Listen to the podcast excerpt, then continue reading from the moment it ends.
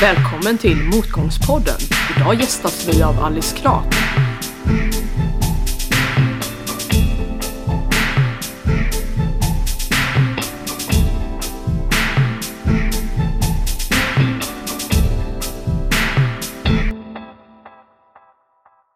Och idag sitter jag här som vanligt med Håkan och Jonas. Och eh, hur mår ni? Hej, jag mår jättebra Hanna. Hur är läget med dig Håkan? Ja, men det är jättebra också. Var, vi spelar in veckan efter påsk, så man har ju fått vara ute i solen lite och sådär och uh, umgås med familj. Har det blivit några investeringar sen senast, Jonas? Det brukar vara vår standardfråga i den här podden. Nej, inte för min del. Jag kommer inte ihåg om jag nämnde att vi har investerat i klimat. Och det gjorde jag nog inte. Jo, nej precis. Det är faktiskt sen sist antar jag. Vi har investerat i Klimato som är en plattform för att CO2-märka måltiden. primärt för restaurangbranschen. Så det är väldigt kul och de har haft jättebra eh, resultat, bland annat i Norge. Man har fått ner i princip CO2 hos en stor aktör med typ 50% i snitt på deras måltider. Så det är jättekul. Det var min eh, kollega eh, som var med om den. Så det var det senaste. Så det är jätteroligt. Och vi ska ju faktiskt vara lite inom det området idag, Hanna. Precis. Jag tänker att vi alla faktiskt, jag är otroligt eh, förväntansfull och väldigt, väldigt eh, eh taggad på att eh, ha det här samtalet. Och, och vi alla har ju faktiskt lite kopplingar. Eh, Håkan, du var ju med där med Carbon Cloud tidigt som är ett, ett Göteborgsbolag som jag också har följt med spänning. Jag tror vi alla har gjort det. Ehm, så det passar ju jättebra att välkomna vår gäst som idag är Alice Knap som var med och grundade Höj. Välkommen! Tack! Tack! Jättekul att få vara med. En ära. Ja, men så roligt. Det är ju lite en lyxen av det här i att vi både får utforska eh, motgångar och personliga resor och vad som händer i bolag, men också att få dyka ner lite extra i bolag som vi kanske är, bolag och personer som vi är lite extra nyfikna på. Eh, men kan inte du berätta lite mer om din bakgrund? Ja men absolut. Eh, jag heter Alice Knap och eh, är ekonom och miljövetare i grunden. Har pluggat på Handels, eh, ja det var ju ett gäng år sedan nu när jag var 20, typ 22. och sen dess har jag ja, men, jobbat med lite allt möjligt, drivit några mindre företag, jobbat som ekonom och projektledare och sen har jag då startat upp det som är min hittills då, största satsning eh, och största företag, eh, Huj, som var ett eh, matföretag som höll till i Allingsås och eh, producerade och sålde växtbaserade pålägg. Ja, och vi kommer ju komma in lite mer på det eh, senare, men jag tänkte, var det alltid givet för dig att eh, vad ska man säga, bli entreprenör. Vad, hur har den här resan sett ut? Eh, jag tror, alltså jag, definier, jag har inte definierat det som det som när jag var ung sådär. Min pappa drev företag så på något sätt hade jag väl ändå sett att man kunde göra det liksom. Inte för att jag var så involverad egentligen i det, men ja, man har växt upp med den bilden ändå att folk kan driva sina egna företag och sen eh, efter eh, att jag hade tagit min examen då från Handels så vet jag att jag eh, jag sökte, eller jag jobbade någonstans och fick aldrig förlängt, eller fick inte fast där helt enkelt. Och, och då hade jag parallellt med det en tanke eh, om att jag ville testa mina kunskaper i företagsekonomi helt enkelt, lite naivt kanske. Eh, och fick höra från min mamma att det var kö i Allingsås på att få hemstädning där. Det var ju då när rutavdraget hade införts ganska nyss och sådär. Så då bara slog det mig att, ja men eh, ah, spännande, ska man inte testa att starta ett städföretag då? Det är ju ganska låga trösklar och liten investering och, sådär. och sådär. Så det var inte så att jag definierade det som att nu ska jag driva företag, utan det var nog mer en tanke om att eh, vore som ett spännande projekt och se hur det är att ja, men skaffa kunder och vet, testa att bokföra och ha lite personal och sådär. Så att, ehm, och sen har det liksom rullat på med att det är väldigt kul att få jobba med, med saker som man känner en stor passion för. Det är egentligen det som är min drivkraft i, eh, hittills i arbetslivet. Mm. Och, och, vi pratade lite innan vi startade inspelningen kring eh, motgångar, misslyckande och liknande. Jag tänker innan vi går in på höj och hur allt det där faktiskt började. Hur eh, har du tänkt någonting på hur du definierar vad är ett misslyckande, vad är motgång, vad har det inneburit för dig? Precis. Eh, alltså motgångar är väl någonstans saker som liksom händer i, i omgivningen som man inte alltid påverkar, tänk, som man inte alltid kan påverka. Sen kan man ju vara mer eller mindre förberedd på en motgång, liksom genom att ha ja, tänkt till ett extra varv och sådär. Det kan man ju alltid tänka i efterhand att fan, varför, det borde jag förutsett att det skulle hända och sådär.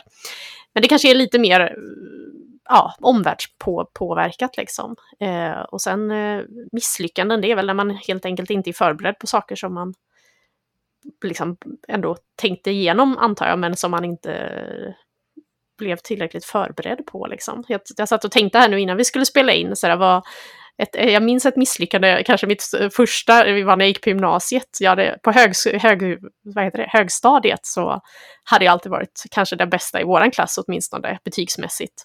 Och sen började jag gymnasiet och gick natur och där man plötsligt, plötsligt var jag ju omgiven med alla som var precis som jag liksom. Eh, och första kursen som vi fick betyg i, helt plötsligt så fick jag bara ett VG och nästan hela klassen hade MVG och det kommer jag verkligen ihåg. Så att det, jag kom att tänka på det nu inför att jag förberedde mig här att det, det, tog hårt liksom. Och då tänkte jag, men gud, jag måste, måste plugga mer helt plötsligt. Det räcker liksom inte med den här nivån som jag alltid har hållit, utan nu måste man ju tydligen anstränga sig här.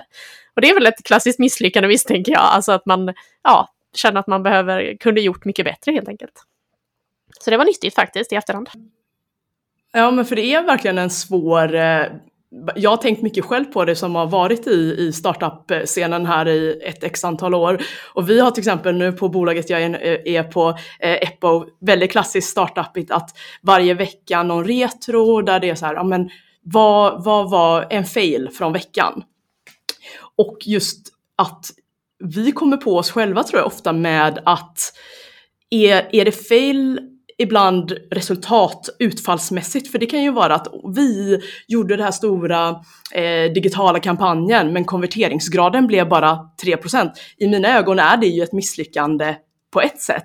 Å andra sidan så by bygger ju hela vår eh, värld på som ganska tidig startup på att vi har ingen aning om någonting och det kommer inte vara en enda grej som kommer göra att man tar sig över. Så det, det, är ju det är lite svårt det där med vad är ett personligt misslyckande? Är det för att jag är ansvarig för marknad här och våra annonser konverterar inte? Eller eh, vi försöker sälja in en nyhet men ingen plockar upp det? Eller är det eller liksom, vad, vad är egentligen misslyckande? Eller är det när man är så här, jag tryckte fel på det här mejlutskicket. Det är ett väldigt tydligt misslyckande.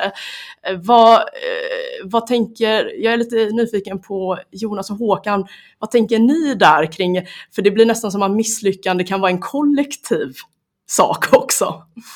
Ja, det är ju lite det som är en av, av lite kärnfrågorna för, för hela den här podden. Och, och jag tänker på det du tog, nämnde här Alice, att, att du, när, när, när du plockar fram ett misslyckande som du känner som ett misslyckande så, så lyfter du fram att du inte hade lika bra betyg som de andra i klassen. Eh, och det är lite intressant för, för det får mig att, att liksom eh, se eh, en tävlingsmänniska i dig. Eh, så här, utan att känna dig alls, bara pratat i tio minuter. Och, och så, sen fråga, är, är det en drivkraft som har varit viktig för dig när du har gett dig in i dina projekt, inklusive Höj, att faktiskt, så att säga, på något sätt, det finns en prestation någonstans som du liksom utmanar dig själv med? Ja, jag har pratat mycket om det med min sambo faktiskt, för jag eh, vill, eller på något sätt, jag vet inte om jag skäms för det på något sätt, men jag har nog insett med, i alla samtal med honom att ja, det finns nog en vilja att tävla och att kanske synas och så här, sticka ut på något sätt. Alltså att, jag vet inte riktigt, men liksom, jag gillar ju den här känslan av att ta ansvar och starta upp någonting och driva det framåt. Och det är klart att man vill att det ska gå bra då, verkligen. Så att på något sätt är det väl en, en, en tävling eller en, en vilja att få synlighet och sticka ut på det sättet. Och ja, historiskt när jag växte upp så var det absolut eh, typ betygsrelaterat till exempel. Så det kan jag väldigt tydligt se nu när jag tänker tillbaka på det här gymnasieincidenten. Liksom. eh, sen är det inte alltid viktigast att... Eh, alltså man, jag vill ju framförallt känna att man har gjort sitt allra bästa någonstans, att man har gjort det så bra som det kunde bli, det man, den insatsen man gjorde liksom med de, med de resurser som man hade. Eh, så, men till viss del är det absolut eh, en tävlingsmänniska. Det, är är ganska dålig vinnare också, rent när man eh, spelar spel och sånt med folk. jag gillar att påminna folk om att jag har vunnit också. ja, ja, men nu är vi ju supernyfikna då på att höra kring hur började allt med höj?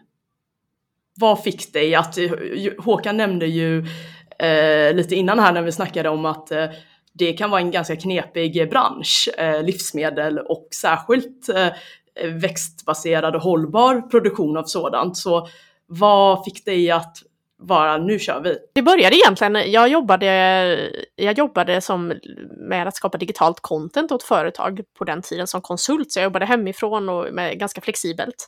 Och eh, en morgon, och jag kände väl att jag inte hade hittat helt rätt i det kanske, så jag vet att jag tänkte ganska mycket på vad, liksom, vad ska jag göra här med mitt liv och jag var väl 20, 25, 26 kanske sådär. Eh, och eh, så en morgon så stod jag hemma i köket och bredde mig eh, en riskaka med margarin och flingsalt. För att jag hade börjat äta ja, växtbaserat helt och hållet. Och eh, eh, ja, det var liksom det, det frukostutbudet som jag upplevde fanns i stort sett. Eh, och då slogs jag av den här tanken liksom att varför finns det inga veganska pålägg? Så det var väldigt basic så att jag såg liksom en tydlig lucka på marknaden och jag hade möjligheter den dagen att sätta mig och göra lite research. Eh, började så här skriva lite på, väldigt så solpigt, men liksom skriva lite en affärsidé, köpte hem lite prover från Tyskland, vad som fanns där och sådär för att så jag hade liksom the power of now på det sättet att jag bara kunde sätta igång där och då liksom i den här lustfyllda känslan av att fan, jag har kommit på en jättebra idé liksom. För det vet man ju alla att det är inte bara en idé kan man ju komma på, men sen ska man ju genomföra det och då vill man ju gärna, det är ju nice när man kan börja direkt liksom. Så det började faktiskt så eh, och jag upplever nog att alla mina idéer som jag på olika sätt har genomfört eller projekt, de, de startar ofta i en passion och en lust och inte nödvändigtvis i att jag ska tjäna massa pengar eller att jag ska eh, eh, liksom att det ska vara lätt heller, för det fick jag ju sen höra ganska mycket när jag ja, i olika sammanhang liksom, eh, sökte tips och råd och jag var på livsmedelsacceleratorn i Göteborg på RISE och jag var, pratade med ja, olika jag träffade ju även ICA och Coop sådär lite längre fram, deras centrala avdelningar. Och det var väl, det är ju komplext liksom att börja producera kylda livsmedel som ska ut i matbutiker och som har en begränsad hållbarhet och sådär. Så att, eh, eh, men jag, jag, försökte, jag intalade mig ändå att, eh, och det, det står jag fortfarande för, men att det gör ju också, det är ju lika svårt för konkurrenter att göra det, även för eh, stora matföretag såklart. Det är lika svårt att ta fram ett kylt pålägg och eh, eh sådär, även om de har kanske mer pengar till marknadsföring och så. Men det var så idén började helt enkelt. Eh, och jag, hade, jag var ju, någonstans kanske det finns en bra poäng att man inte, att jag inte kom från branschen, för jag var ju naivt inställd till alla eh, så här, hinder på vägen liksom. Och det gjorde att, eh, att, man, att jag bara körde på liksom. Och kan du komma ihåg, vad var första gången du kände att oj, vilket hinder eller potentiellt en motgång som väntar runt hörnet? Ja, men jag träffade bland annat en rådgivare då på, på Livsmedelsacceleratorn som verkligen uttryckligen sa att eh, han inte tyckte att jag skulle starta upp min egen produktion utan att jag skulle hitta en legoproducent. Och då, jag tänkte verkligen mycket på det den helgen vet jag, för det var på en fredag eftermiddag liksom. Eh, så gick jag ju hem lite så här, Moloken, eller vad man säger, och liksom tänkte att fan, han, han vet ju vad han snackar om antagligen. är det här en bra idé liksom? Eh, och det ledde till att jag träffade två olika livsmedelsfabriker då som potentiellt skulle kunnat ha producerat åt oss. Eh, men, men då hade det blivit så stora volymer och, och det hade liksom blivit väldigt ja, stor tröskel då. Då hade vi fått köpa in 10 000 paket i stöten liksom av dem och det hade ju hade jag inte kundunderlag för. Så någonstans så, så var det, ett, det var en motgång då en helg och som gjorde att jag tog några extra liksom, omvägar för att verkligen utreda, men är det här det bästa sättet att göra det på? Eh, så det, men det kommer jag ihåg, för det var ändå en person som jag tänkte att han eh, är en klok person liksom. Man, man får ju tips och råd från all, alla håll liksom, men eh, vissa kan man ju faktiskt värdera lite mer. Så det var en motgång och sen så vet jag väldigt tydlig motgång, det var när vi hade kommit igång. Vi hade hyrt en liten, liten lokal och eh, vi flyttade in där i januari, någonting sånt där. Och sen så eh, tänkte jag att ah, nu är vi redo att köra. Jag hade utvecklat recepten hemma i mitt kök och testat så här en kilos batcher eh, hemma i köket och hela köket hade så här ångat igen när jag stod och värmde min pastej där vid köksön liksom. Eh, och så flyttade jag in i den här eh, li väldigt li lilla lokalen men ändå en riktig köks eller riktig livsmedelsgodkänd lokal liksom. Och tänkte att nu ska vi bara, nu kör vi igång och jag hade ju kunder och, och eh, skaffat lite butiker som ville köpa. Så skulle jag bara tio, göra 10 kilos batcher istället. Eh, och eh, det visade sig att det var ju ja, en för dålig emulsion då i mitt recept så att hela eh, våran pastej skar sig gång på gång liksom. Så varje morgon så kom jag ju då till jobbet och så gjorde jag dagens batch och sen så skar den sig, så klockan tio så stod jag där med liksom en smet som hade separerat då. Fettet flöt uppe på liksom och sen tänkte jag bara, ha fan. Och så fick man ju ett par timmar där man skulle städa och diska liksom, så då kunde man ju processa det lite och sen så tänkte jag, ja men imorgon så testar jag det här istället. Ursäkta. Och då, eh, ja, så nästa morgon kom han dit igen peppad och så hände samma sak igen liksom. Eh, och då vet jag att jag tänkte att jag, vad är det som händer liksom? Nu har vi ju så här signat upp den här lokalen och jag kan ju inte, vad är, alltså hur dåligt förberedd var jag? Det här hade jag verkligen inte förutsett. Eh, men då så vet jag att jag gick i skogen med hunden och tänkte bara vad, vad gör jag nu? Alltså, ja ni vet som man gör när man har företag, vad, vad gör vi nu då liksom? Och sen kom jag på att ja, då får jag väl ringa dem på RISE, det var de första jag visste, och så får jag väl fråga mig fram, vem kan ni hjälpa till här på något sätt liksom? Och sen eh, lyckades de komma med massa goda tips och råd och lite analys som gjorde att vi fick ihop den där smeten och kunde börja producera. Men det var väl den första i, i, sin lilla, lilla, ni förstår ju själva liksom, men just där och då var det inte så roligt att stå där ensam på dagarna och göra smet som bara skar sig. jag, jag får, måste flika in här, för jag, jag är väldigt nyfiken på hur du liksom hamnade i köket eh, och, och gjorde de här smetarna. Eh, är du från början intresserad av att laga mat?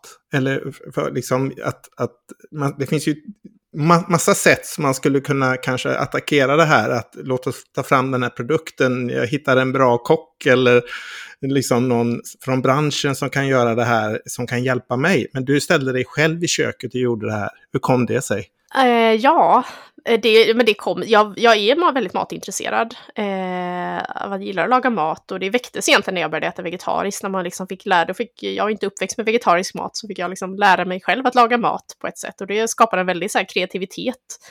Eller jag upptäckte att det var väldigt kreativt liksom. Så det är fortfarande någonting som jag tycker är jätteroligt att göra. Eh, så det var nog att jag, eh, jag vet ju det att de stora bolagen köper ju in den typen av liksom utvecklingshjälp. Men eh, jag tänkte nog att, eh, ah, jag löser det. och vi fick ju också väldigt, väldigt mycket feedback om att det var väldigt goda produkter, så att det, det lyckades vi med, upplever jag.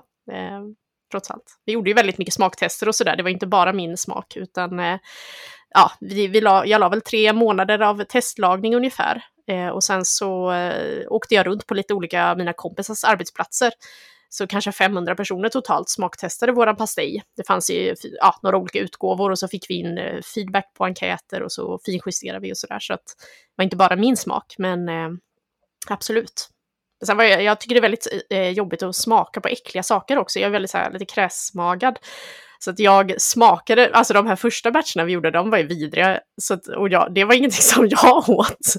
För jag ville ändå få in feedback av vad liksom, vad är det, finns det något bra i det här liksom? Så att eh, min dåvarande killes mamma, hon har väldigt bra smaklökar, så hon var hos oss alltså varje kväll ett tag och provsmakade pastejer och var så här, nej men det är ju den här beska tonen är ganska nice men den måste nog dras ner och, och ja, sådär. Så att, eh, det var jag som gjorde det mycket, men jag åt inte förrän det började bli hyfsat gott. Men jag visste vart jag ville. jag, jag, tänker på, eh, jag kan inte låta bli att, att ställa den frågan, för du, i princip så, så gick du och frågade din mamma om, om, om det här var en bra produkt. Och eh, det är ju en, en klassisk bok som alla entreprenörer får läsa som heter The Mum Test. Att är det någon man inte ska fråga så är det mamma för hon ljuger. Men det var precis det du gjorde. Ja, i början. Sen frågade jag ju massa randoms också. Men absolut, i början så gjorde vi det. Men det var också lite vänner och bekanta. Och, och jag, jag hade en tydlig bild. Jag, hade en, jag ville att det skulle smaka som leverpastej, så vi köpte också leverpastej och liksom att man jäm, smakjämförde och sådär. Jag ville att det skulle ha den eh, ja, det går ju aldrig att smaka lever liksom, men eh, det skulle påminna om det. Så vi hade ju en målbild sådär, men eh, eh, ja. Så gick det till. Jag, jag, tänker just det är viktigt att det smakar gott. Och jag har faktiskt eh, köpt höjprodukterna när man kunde köpa dem. Och eh, bland annat så använder vi den här Creamy Cashew örter. Funkar det väldigt bra till att ha till exempel i pasta och så. Um, men jag tänker just alla kanske inte har provat höjprodukterna och nu börjar vi prata om pastejer och så. Jag tänkte, kan du snabbt ge oss en liten, vad, vilka produkter börjar ni med och hur var de och vad blev det sen? Så att man får liksom en känsla av vad, vad var det egentligen för produkter? Ja, det började med eh, att min första idé var att vi behövde ett leverpastej-alternativ egentligen då. För det var någonting som jag saknade väldigt mycket och det eh, mynnade sen ut i kanske Ja, det är en bra, bra fråga. Det var, jag skulle säga att det var ett misslyckande faktiskt. När vi är på temat. Jag har inte tänkt på det förrän jag kom på det nu. Fast det visade sig sen då, när vi tog fram de här pastejerna och de, jag tycker fortfarande att det var vår bästa produkt liksom. För jag älskade ju leverpastej innan och eh, har fortfarande ett gäng hujpastejer i frysen liksom som jag tog med mig i konkursen och frös in hemma. Eh, men det som, när man sen kom ut i butik och sådär och körde demo, det gjorde jag ju väldigt mycket i början, då visade det sig att det fanns en, an, oh, en inte oansenlig mängd människor som inte ens ville smaka för att de hade så dåliga minnen av leverpastej. Och det var jag helt o... Alltså jag tänkte bara det här var det konstigaste jag hört liksom. Men folk bara, ah, nej, är det pastej? Jag vill inte ens smaka. Och jag tänkte, men, men det är vegetarisk pastej, du kan väl smaka? Ah, nej, jag vill inte ha liksom.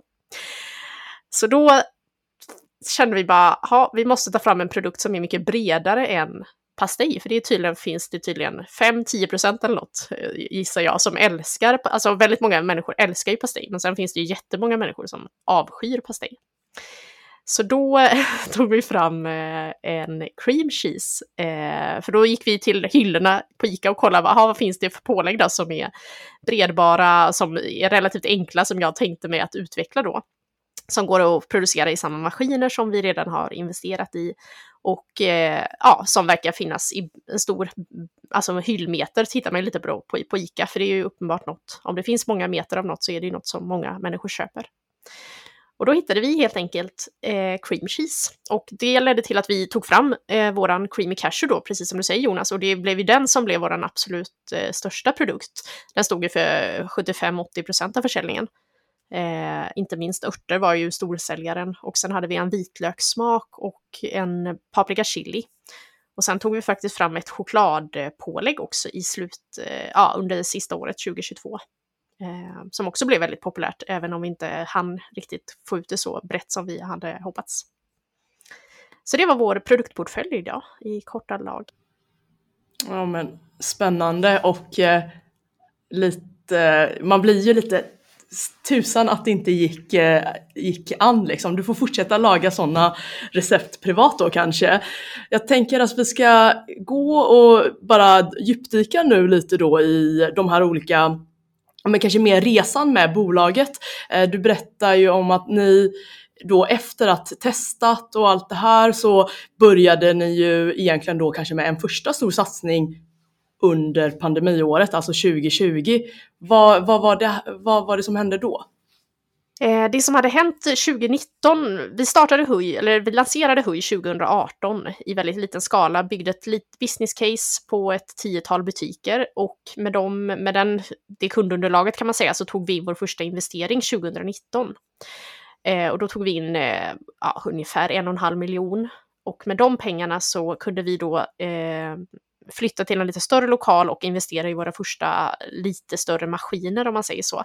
Innan, alltså från början så hade vi ju fyllt, jag fyllde ju burkarna med sked liksom. Eh, för vi, för vi hade ju inga pengar att lägga på maskiner utan, och sen så eh, när vi hade gjort den här investeringen så kunde vi köpa en liten fyllmaskin och lite sådär.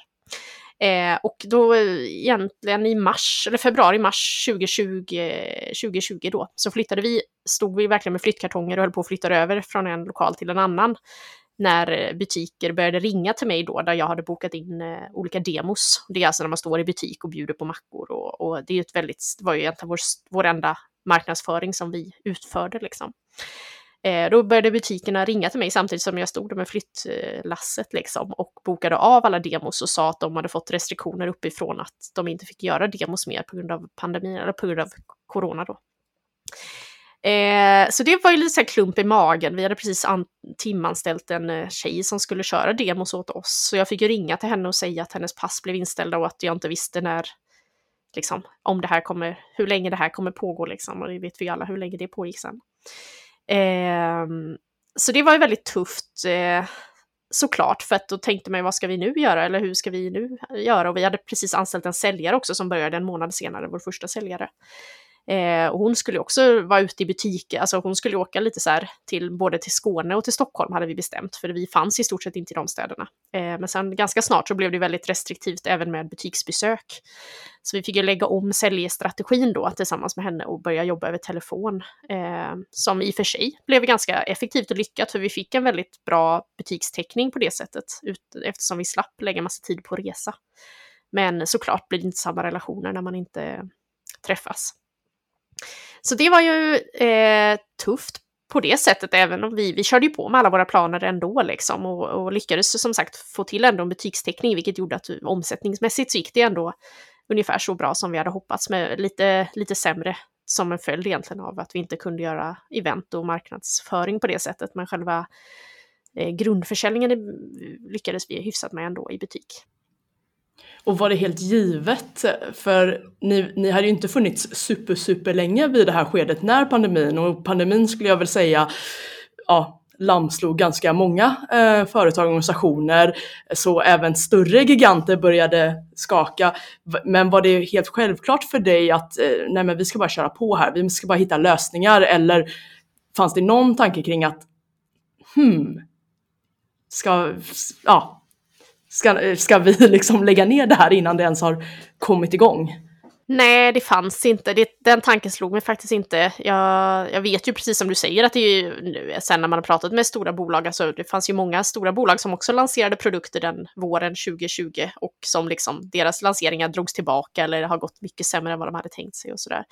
Men nej, det fanns nog inte på vår karta. Jag, jag, med de investerarna vi hade och sådär så tänkte jag, och det var ju den, det var så diskussionerna var också på våra styrelsemöten, att vi är ju långsiktiga i det här liksom, så att det här är ju en, absolut ett stort, eh, eh ett stort, en stor utmaning just nu, men som borde, någon gång rinner den över och de som tar sig igenom pandemin och kommer ju ut starka på andra sidan liksom.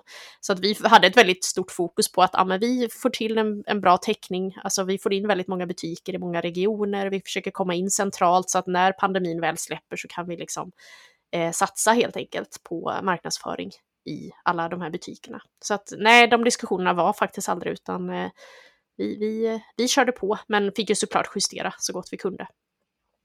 Och det kanske var lättare för oss än för stora bolag eh, att justera strategierna också om man ska vara krass. Det kanske var svårare för eh, stora matindustrier. Eh, jag, jag är lite nyfiken på vad som förändrades efter den första finansieringsrundan. Eh, från det att ni hade själva stått i köket och gjort recepten och testat och sen eh, tog in andras pengar. Och just i den här situationen som ni var i nu och liksom som ändå förmodar jag handlade ändå, ni pratade en hel del om hur, vilka vägval ni skulle göra där. Var det fortfarande ditt eller ert bolag som grundare så att ni satt vid rodret eller, eller i och med att ni tog in pengarna så var det även investerarna som var med och eh, hade starka åsikter om de här vägvalen ni gjorde? Eh, när vi grundade hade fortfarande majoritet, eh, absolut. Så att, men eh, så för min del eh, så tycker jag att det, det, bidrog egentligen bara till att vi kunde få en liten, alltså jag kunde få möjlighet att få eh, vi hade ju eh, lite, vi hade Lantmännen Serialia som en investerare och sen så hade vi ett antal affärsänglar som hade investerat och lite senare hade vi också en, en eh, ICA Maxi-ägare som investerade. Så vi hade en ganska bra eller jättebra skulle jag säga, ägarstruktur på ett sätt. Just att vi kunde, jag kunde få tillgång till eh, olika bolag och tankesätt. Liksom. Eh, hur, jag kunde veta både hur Lantmännen tänkte på ett sätt, alltså även om de inte var helt transparenta såklart, men hur ett storbolag agerade. Och likadant hur en, eh, en, en tidigare entreprenör, hur deras tankebanor gick och sådär. Så, eh, och i och med att ja, vid det skedet så ägde jag fortfarande absoluta majoriteten så kunde man ju ändå kunde jag ändå köra på det som, som jag trodde på. Men det var aldrig heller några konflikter så, vad, vad vi olika tänkte. Eh, så att, eh, nej, jag tycker bara det bidrog faktiskt att ta in investerare. Men, eh, men det lyckades jag väl med att få in folk som, eh, att det ändå blev en bra, bra upplägg. Eh, och sen hade vi en extern ordförande som också var väldigt bra att ha, som också kunde hålla, kanske var tack vare honom säkert som vi höll en god ton också i styrelsen. Så kan det mycket väl ha varit, det vet man inte hur det hade varit utan honom. Men, men i princip, då, då hade du ju ett, ett, som det låter väldigt bra, stöd med branscherfarenhet som eh, backade att ni skulle fortsätta satsa eh, även om det fanns en del sådana här varningsklockor som började ringa när, när eh, pandemin spred sig. Mm. Ja men det hade vi. Vi, hade, vi, vi gjorde en plan helt enkelt att det här skulle vara det bästa. Att fortsätta jobba så som vi gjorde med införsäljning. Och som sagt, vi, vi lyckades ganska bra under 2020 och fick en jättebra täckning. Eh, vi hade satt upp som mål att komma in centralt på Bergendals som var den kedjan som då ägde Citygrossbutikerna. Under hösten och sen skulle vi komma in på ICA till våren 2021 och båda de målen klarade vi av liksom.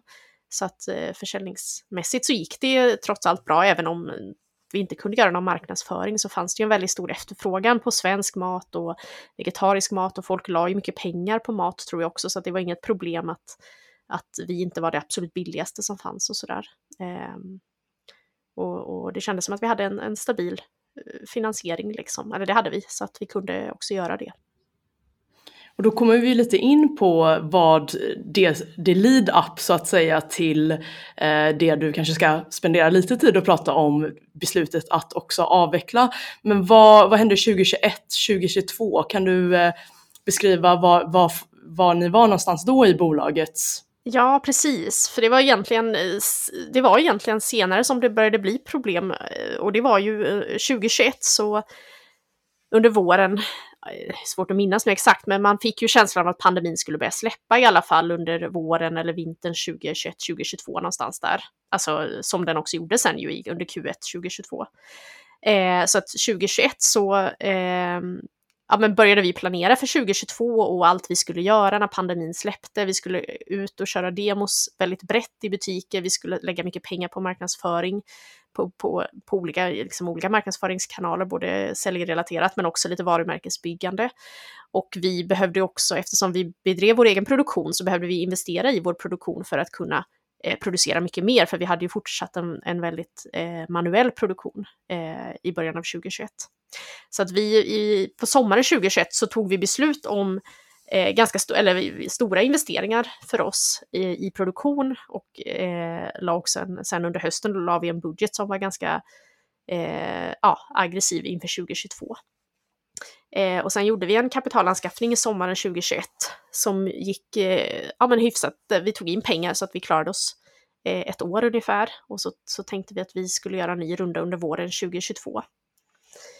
Eh, och eh, det var väl med, med facit i hand då så skulle vi ju inte, eller ja, vi skulle väl väntat in helt enkelt att pandemin släppte, men, men det ville vi ju inte göra för vi tänkte att när den väl släpper så kommer ju alla matföretag anställa demopersonal och ville jobba med demobolag och eh, ja, ni förstår, konkurrensen skulle ju öka väldigt mycket så att eh, det, det var väl rätt beslut i det läget. Det var det vi trodde på liksom. Men det som hände sen i början på 2022 var ju att pandemin släppte.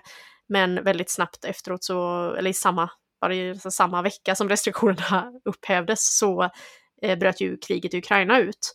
Och det vände ju upp och ner väldigt mycket på våran verklighet. Först väldigt akut med att råvaror blev brist på och kostnaderna för råvaror sköt i höjden. Eh, och vi fick knappt tag på vissa råvaror så det var en vecka faktiskt som vi inte kunde producera för att vi saknade ett, eh, en, en, ett emulgeringsmedel som var väldigt väsentligt för vår produkt. Eh, och under våren sen, ja ni vet ju själva, så liksom eh, blev det ju väldigt så här, man, man fick börja förhandla med alla kedjorna om priser och försöka höja så gott man kunde för att få täckning för sina ökade kostnader och samtidigt så blev det allt mer nyheter om att matpriserna gick upp och att konsumenterna helt enkelt började välja billigare alternativ. Eh, och på kapitalmarknaden som vi ju också var ute en sväng på då så var det ju väldigt eh, fruset om man säger så. Så det, det var ju, eh, ja, där tycker jag väl mer att det var motgångar. Det känns som att vi hade en väldigt bra plan.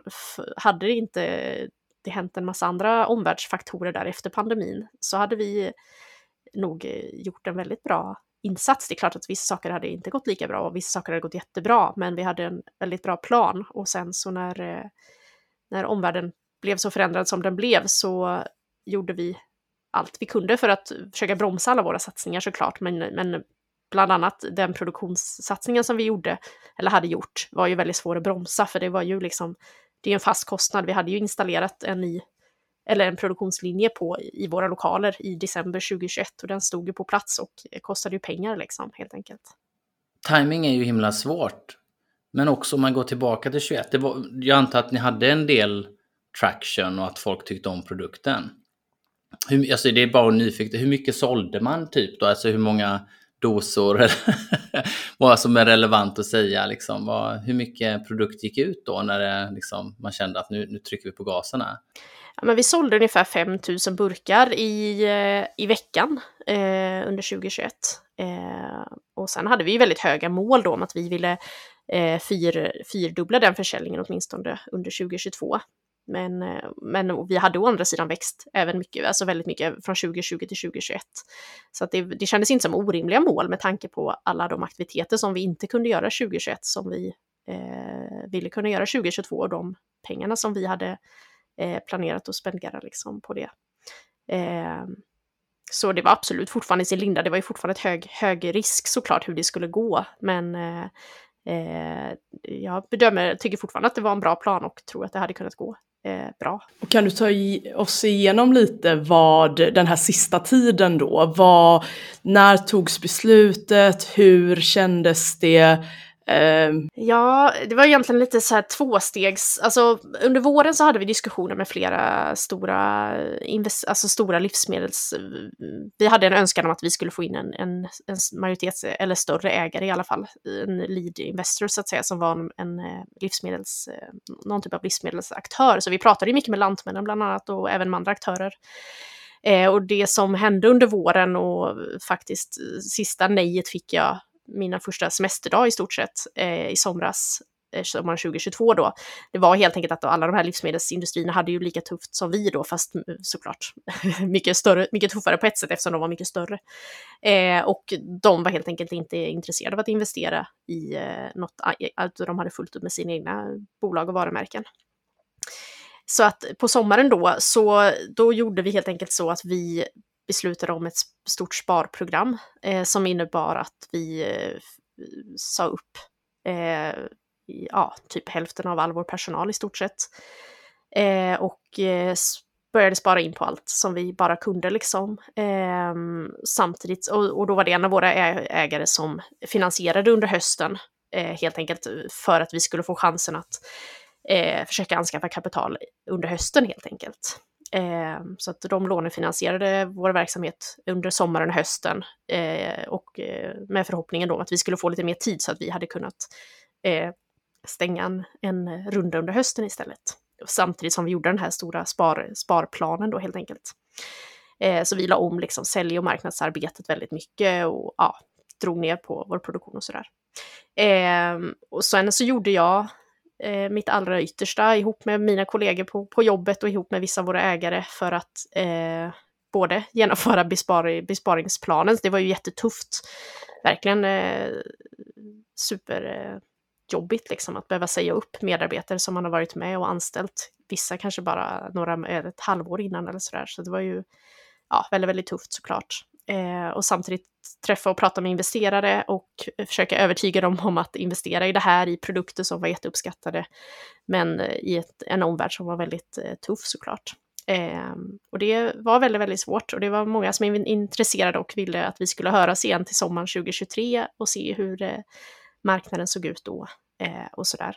Ehm, och då så landade vi ju eh, framåt november då till slut så, så var det ju då var, då var det ju egentligen den, den ägaren som hade varit med och lånefinansierat under hösten. Det var ju upp till dem då att uh, ja, fatta ett beslut om hur de ville göra och, och jag, det var under liksom, de bästa Eh, liksom, vi har en jättegod relation idag också, så jag respekterar absolut deras beslut, för det hade ju ja, varit väldigt lång väg att gå. Det förstod ju de också, liksom. det hade ju inte varit ett bättre läge nu att ta in kapital, utan det hade ju varit en lång tid som de hade fått finansiera bolaget själva i stort sett då. Eh, så då landade vi helt enkelt i att vi, då, då får vi begära oss själva i konkurs helt enkelt där i mitten på november. När vi helt enkelt, de, alla de dialoger som vi hade, hade landat i att ingen ville investera just nu och ja, pengarna började ta slut på kontot helt enkelt. Eh, så det var, eh, ja, det var väldigt, eh, väldigt konstig helg. Jag kommer ihåg att vi bestämde det i stort sett på fredagen och sen på måndagen så hade vi det liksom formellt eh, ja, styrelsemöte där vi bestämde det liksom. Eller ägarmöte menar jag. Eh, väldigt konstig helg den helgen när man visste att ja, på måndag ska vi fatta det här beslutet och gå till tingsrätten liksom. Eh, svårt att ta in. Ja, och jag tänker Många grundare ser ju såklart det som eh, sin bebis eh, när man grundar ett bolag och så, men jag tänker att det nästan är extraordinärt om, om man är i en situation där man verkligen tillverkar någonting också. Man har stått i köket, man har testat och sådär. Hur, eh, hur ser du på liksom att kunna eh, hur, hantera, hur hanterar du den här situationen som ditt privata Alice och ditt yrkesmässiga Alice och vad, vad liksom eh, skulle du säga att eh, du inte har gått vidare, men liksom hur lång tid tog den här processen efter? För det är ju ändå en otroligt stor eh, förändring som händer i ens liv, både yrkesmässigt och privat. Eh, ja, alltså privat, eller jag skulle säga att jag har blivit, jag har varit lite räddad av att jag hade mm, var, var gravid under förra året och visste att jag skulle gå på föräldraledighet i november Eh, så att rent operativt bolaget så hade vi förberett allting för att jag skulle gå på föräldraledighet i sex månader och att vår produktionschef skulle vara tillförordnad vd. Och jag tror att det har varit kanske lite räddningen för mitt psykiska mående, att jag gick inte ut i en tomhet som vissa av mina kollegor har gjort, som har varit jättetufft liksom, utan jag har ju rent på vissa sätt så känns det ju som att allt är som det skulle varit ändå, att jag ska vara hemma med ett barn, förutom att jag inte jobbar lite, jag hade ju säkert jobbat lite parallellt liksom.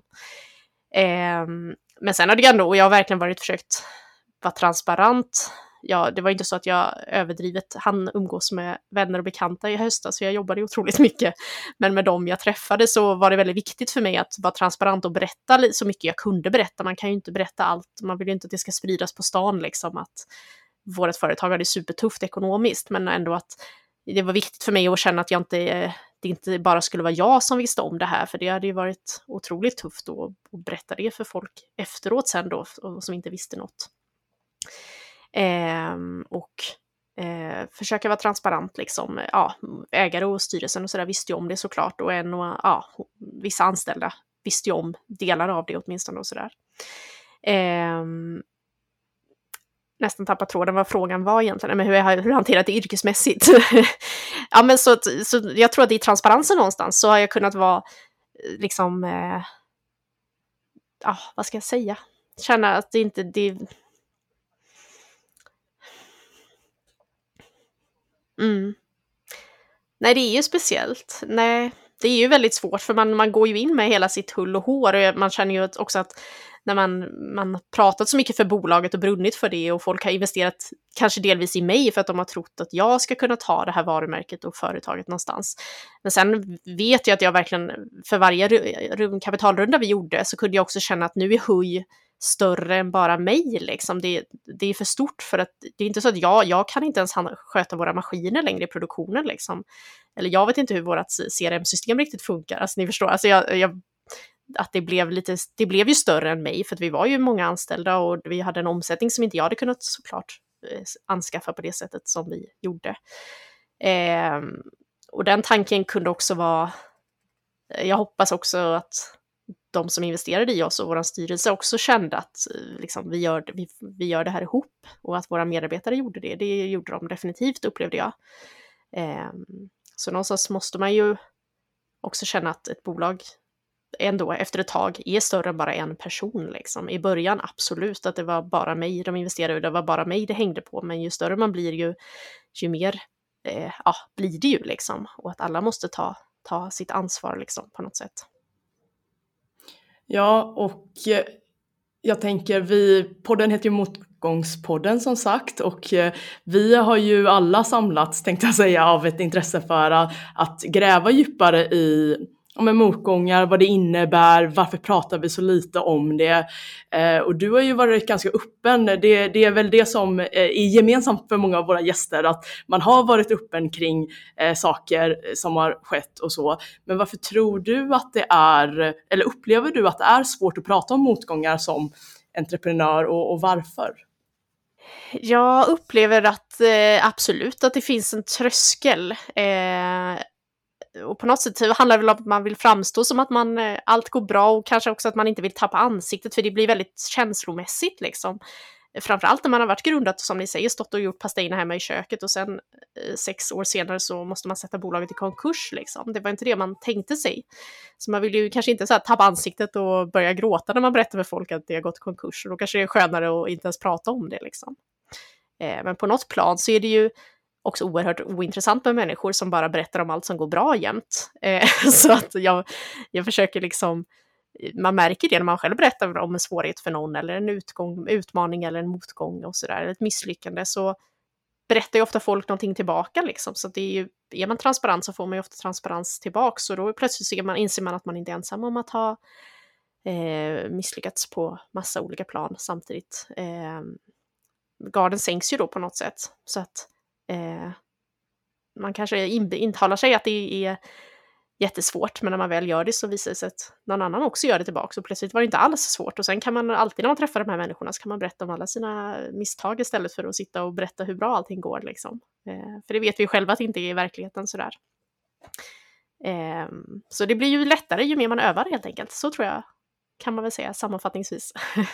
jag tänkte på det, det måste ju ha varit en ganska lång period där du ändå i din roll var tvungen att upprätthålla en väldigt liksom, positiv attityd till de problem ni ändå hade. Det kanske var, det var inte problemen som, som du skulle prata om, utan om alla möjligheterna. Men samtidigt så gick du ju bar på, på allt det här.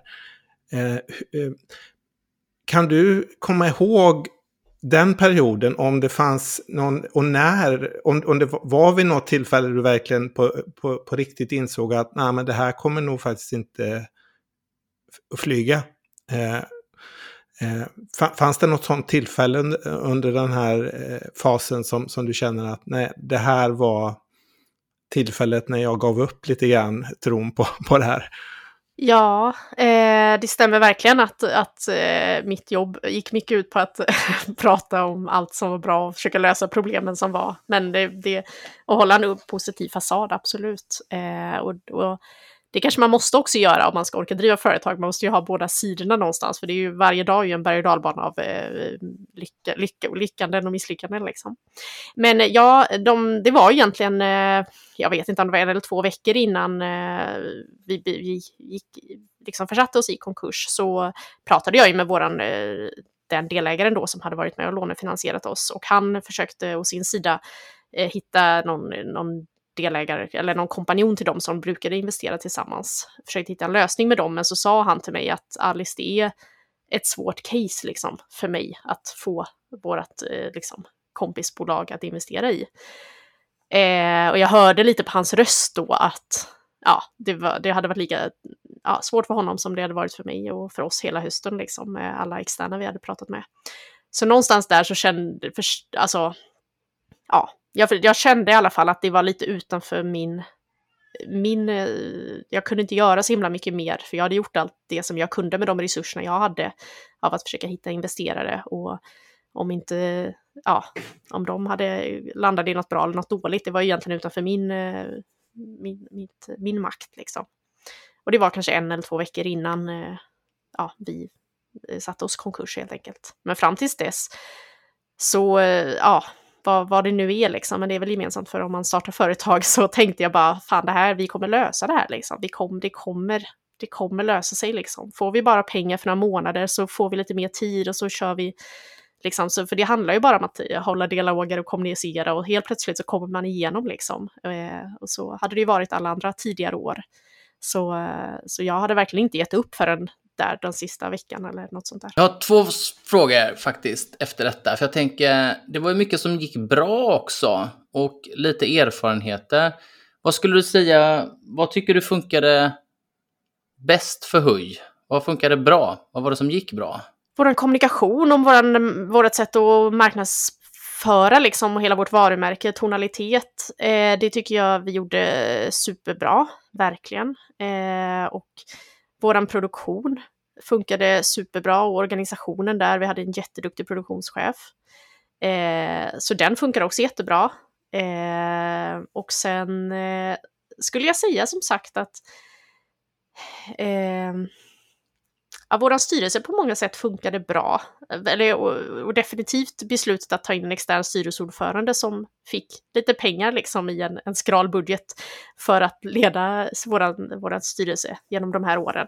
Det var ett väldigt eh, beslut som jag är väldigt, väldigt glad för det var ändå en person som jag pratade jättemycket med och som var ju helt eh, neutral liksom jämfört med när man pratar med sina delägare så vet man ju ändå att de är delägare och liksom har egna intressen och sådär. Så att, eh... Super, jag håller helt med dig. En eh, duktig styrelseordförande är otroligt viktig i många lägen. En annan sak som jag tänker på just kring det här med alternativa proteiner, jag tycker det är väldigt spännande. Jag följer ju bland annat eh, Tony Siba på Rethink X. Så en sätt att se på det att vi har förhoppningsvis en exponentiell utveckling på vad ska man säga, alternativa proteiner och kunna gå upp till mer växtbaserat eller vad det nu är.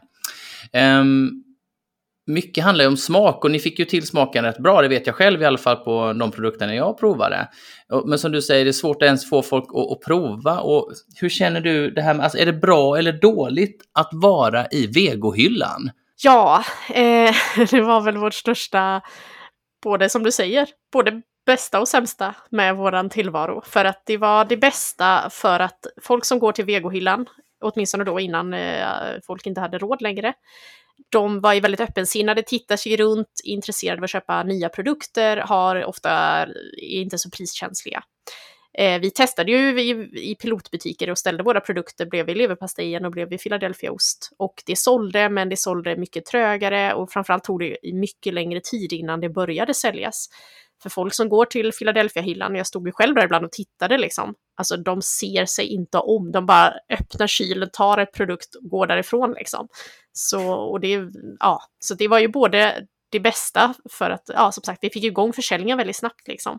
Men det, det är ju såklart en väldigt liten del av eh, människorna i en matbutik som går till vegohyllan. De flesta människor går ju inte dit. Eh, och det var väl någonstans där jag upplevde att 2022 skulle bli, liksom, att vi skulle kunna ta oss ut i de större hyllorna för att vi skulle ha muskler att marknadsföra helt enkelt.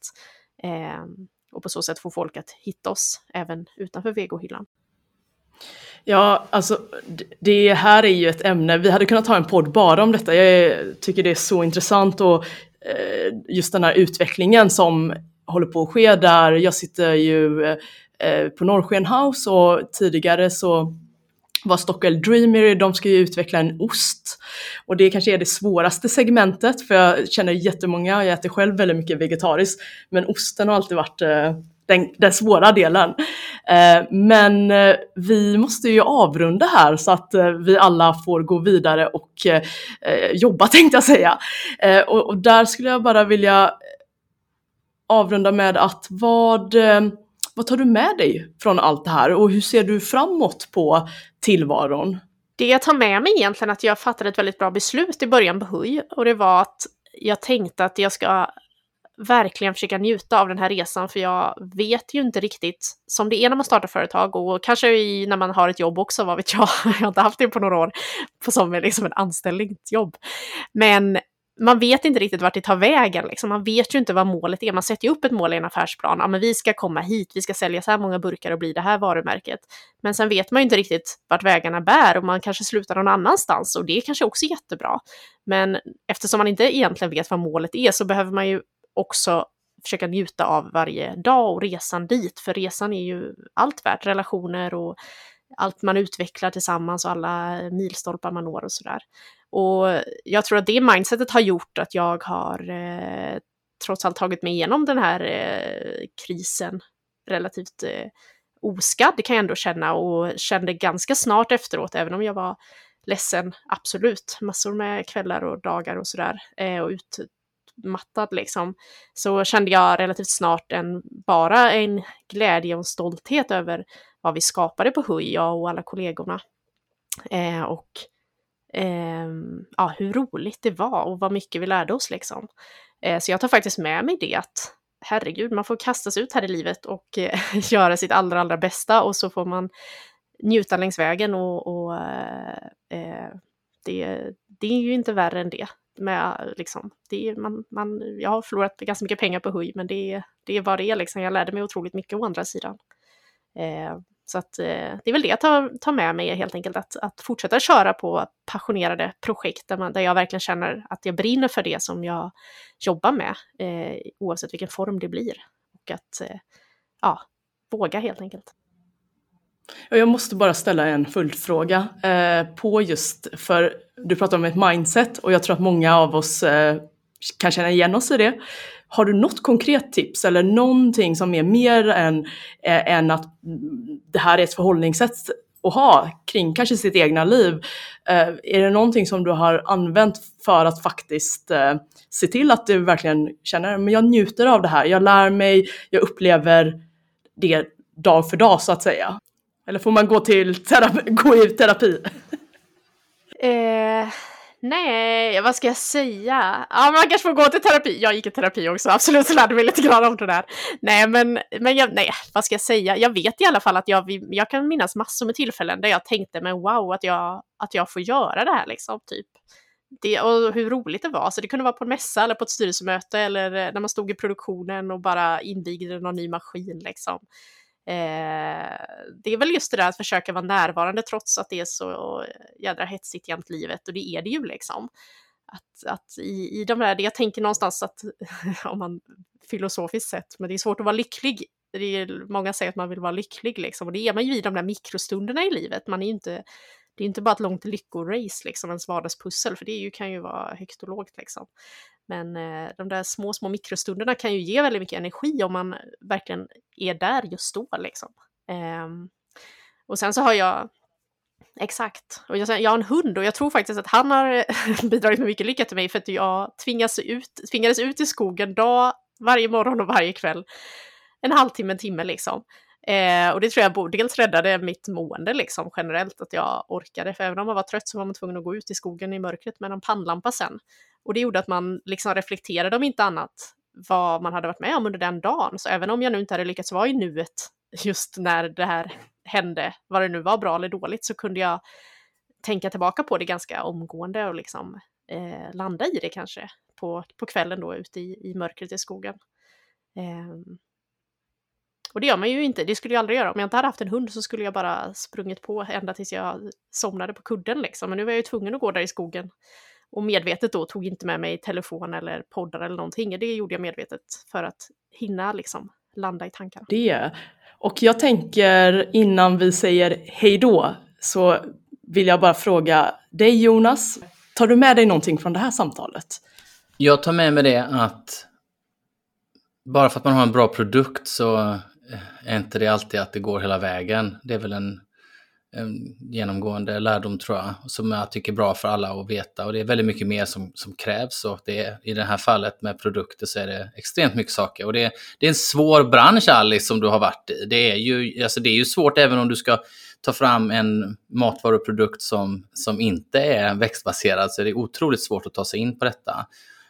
Um, så att um, modigt ska jag säga att ge sig in i den här branschen men det behövs ju och vi behöver se mer av detta framåt. Och det ska bli väldigt spännande att följa utvecklingen och kul att se kanske om vi ser dig Alice i något liknande projekt framöver, vem vet? Och du då Håkan?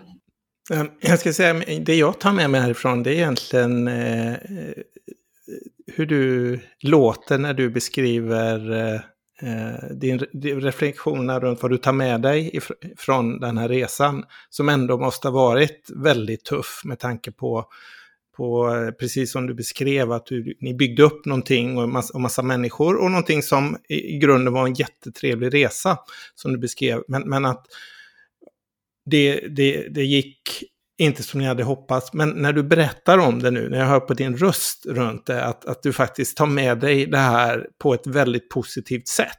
Och det tycker jag är väldigt viktigt eh, för, tror jag, de som lyssnar på den här podden som eh, då kanske är, i vissa fall är mitt i något sånt här.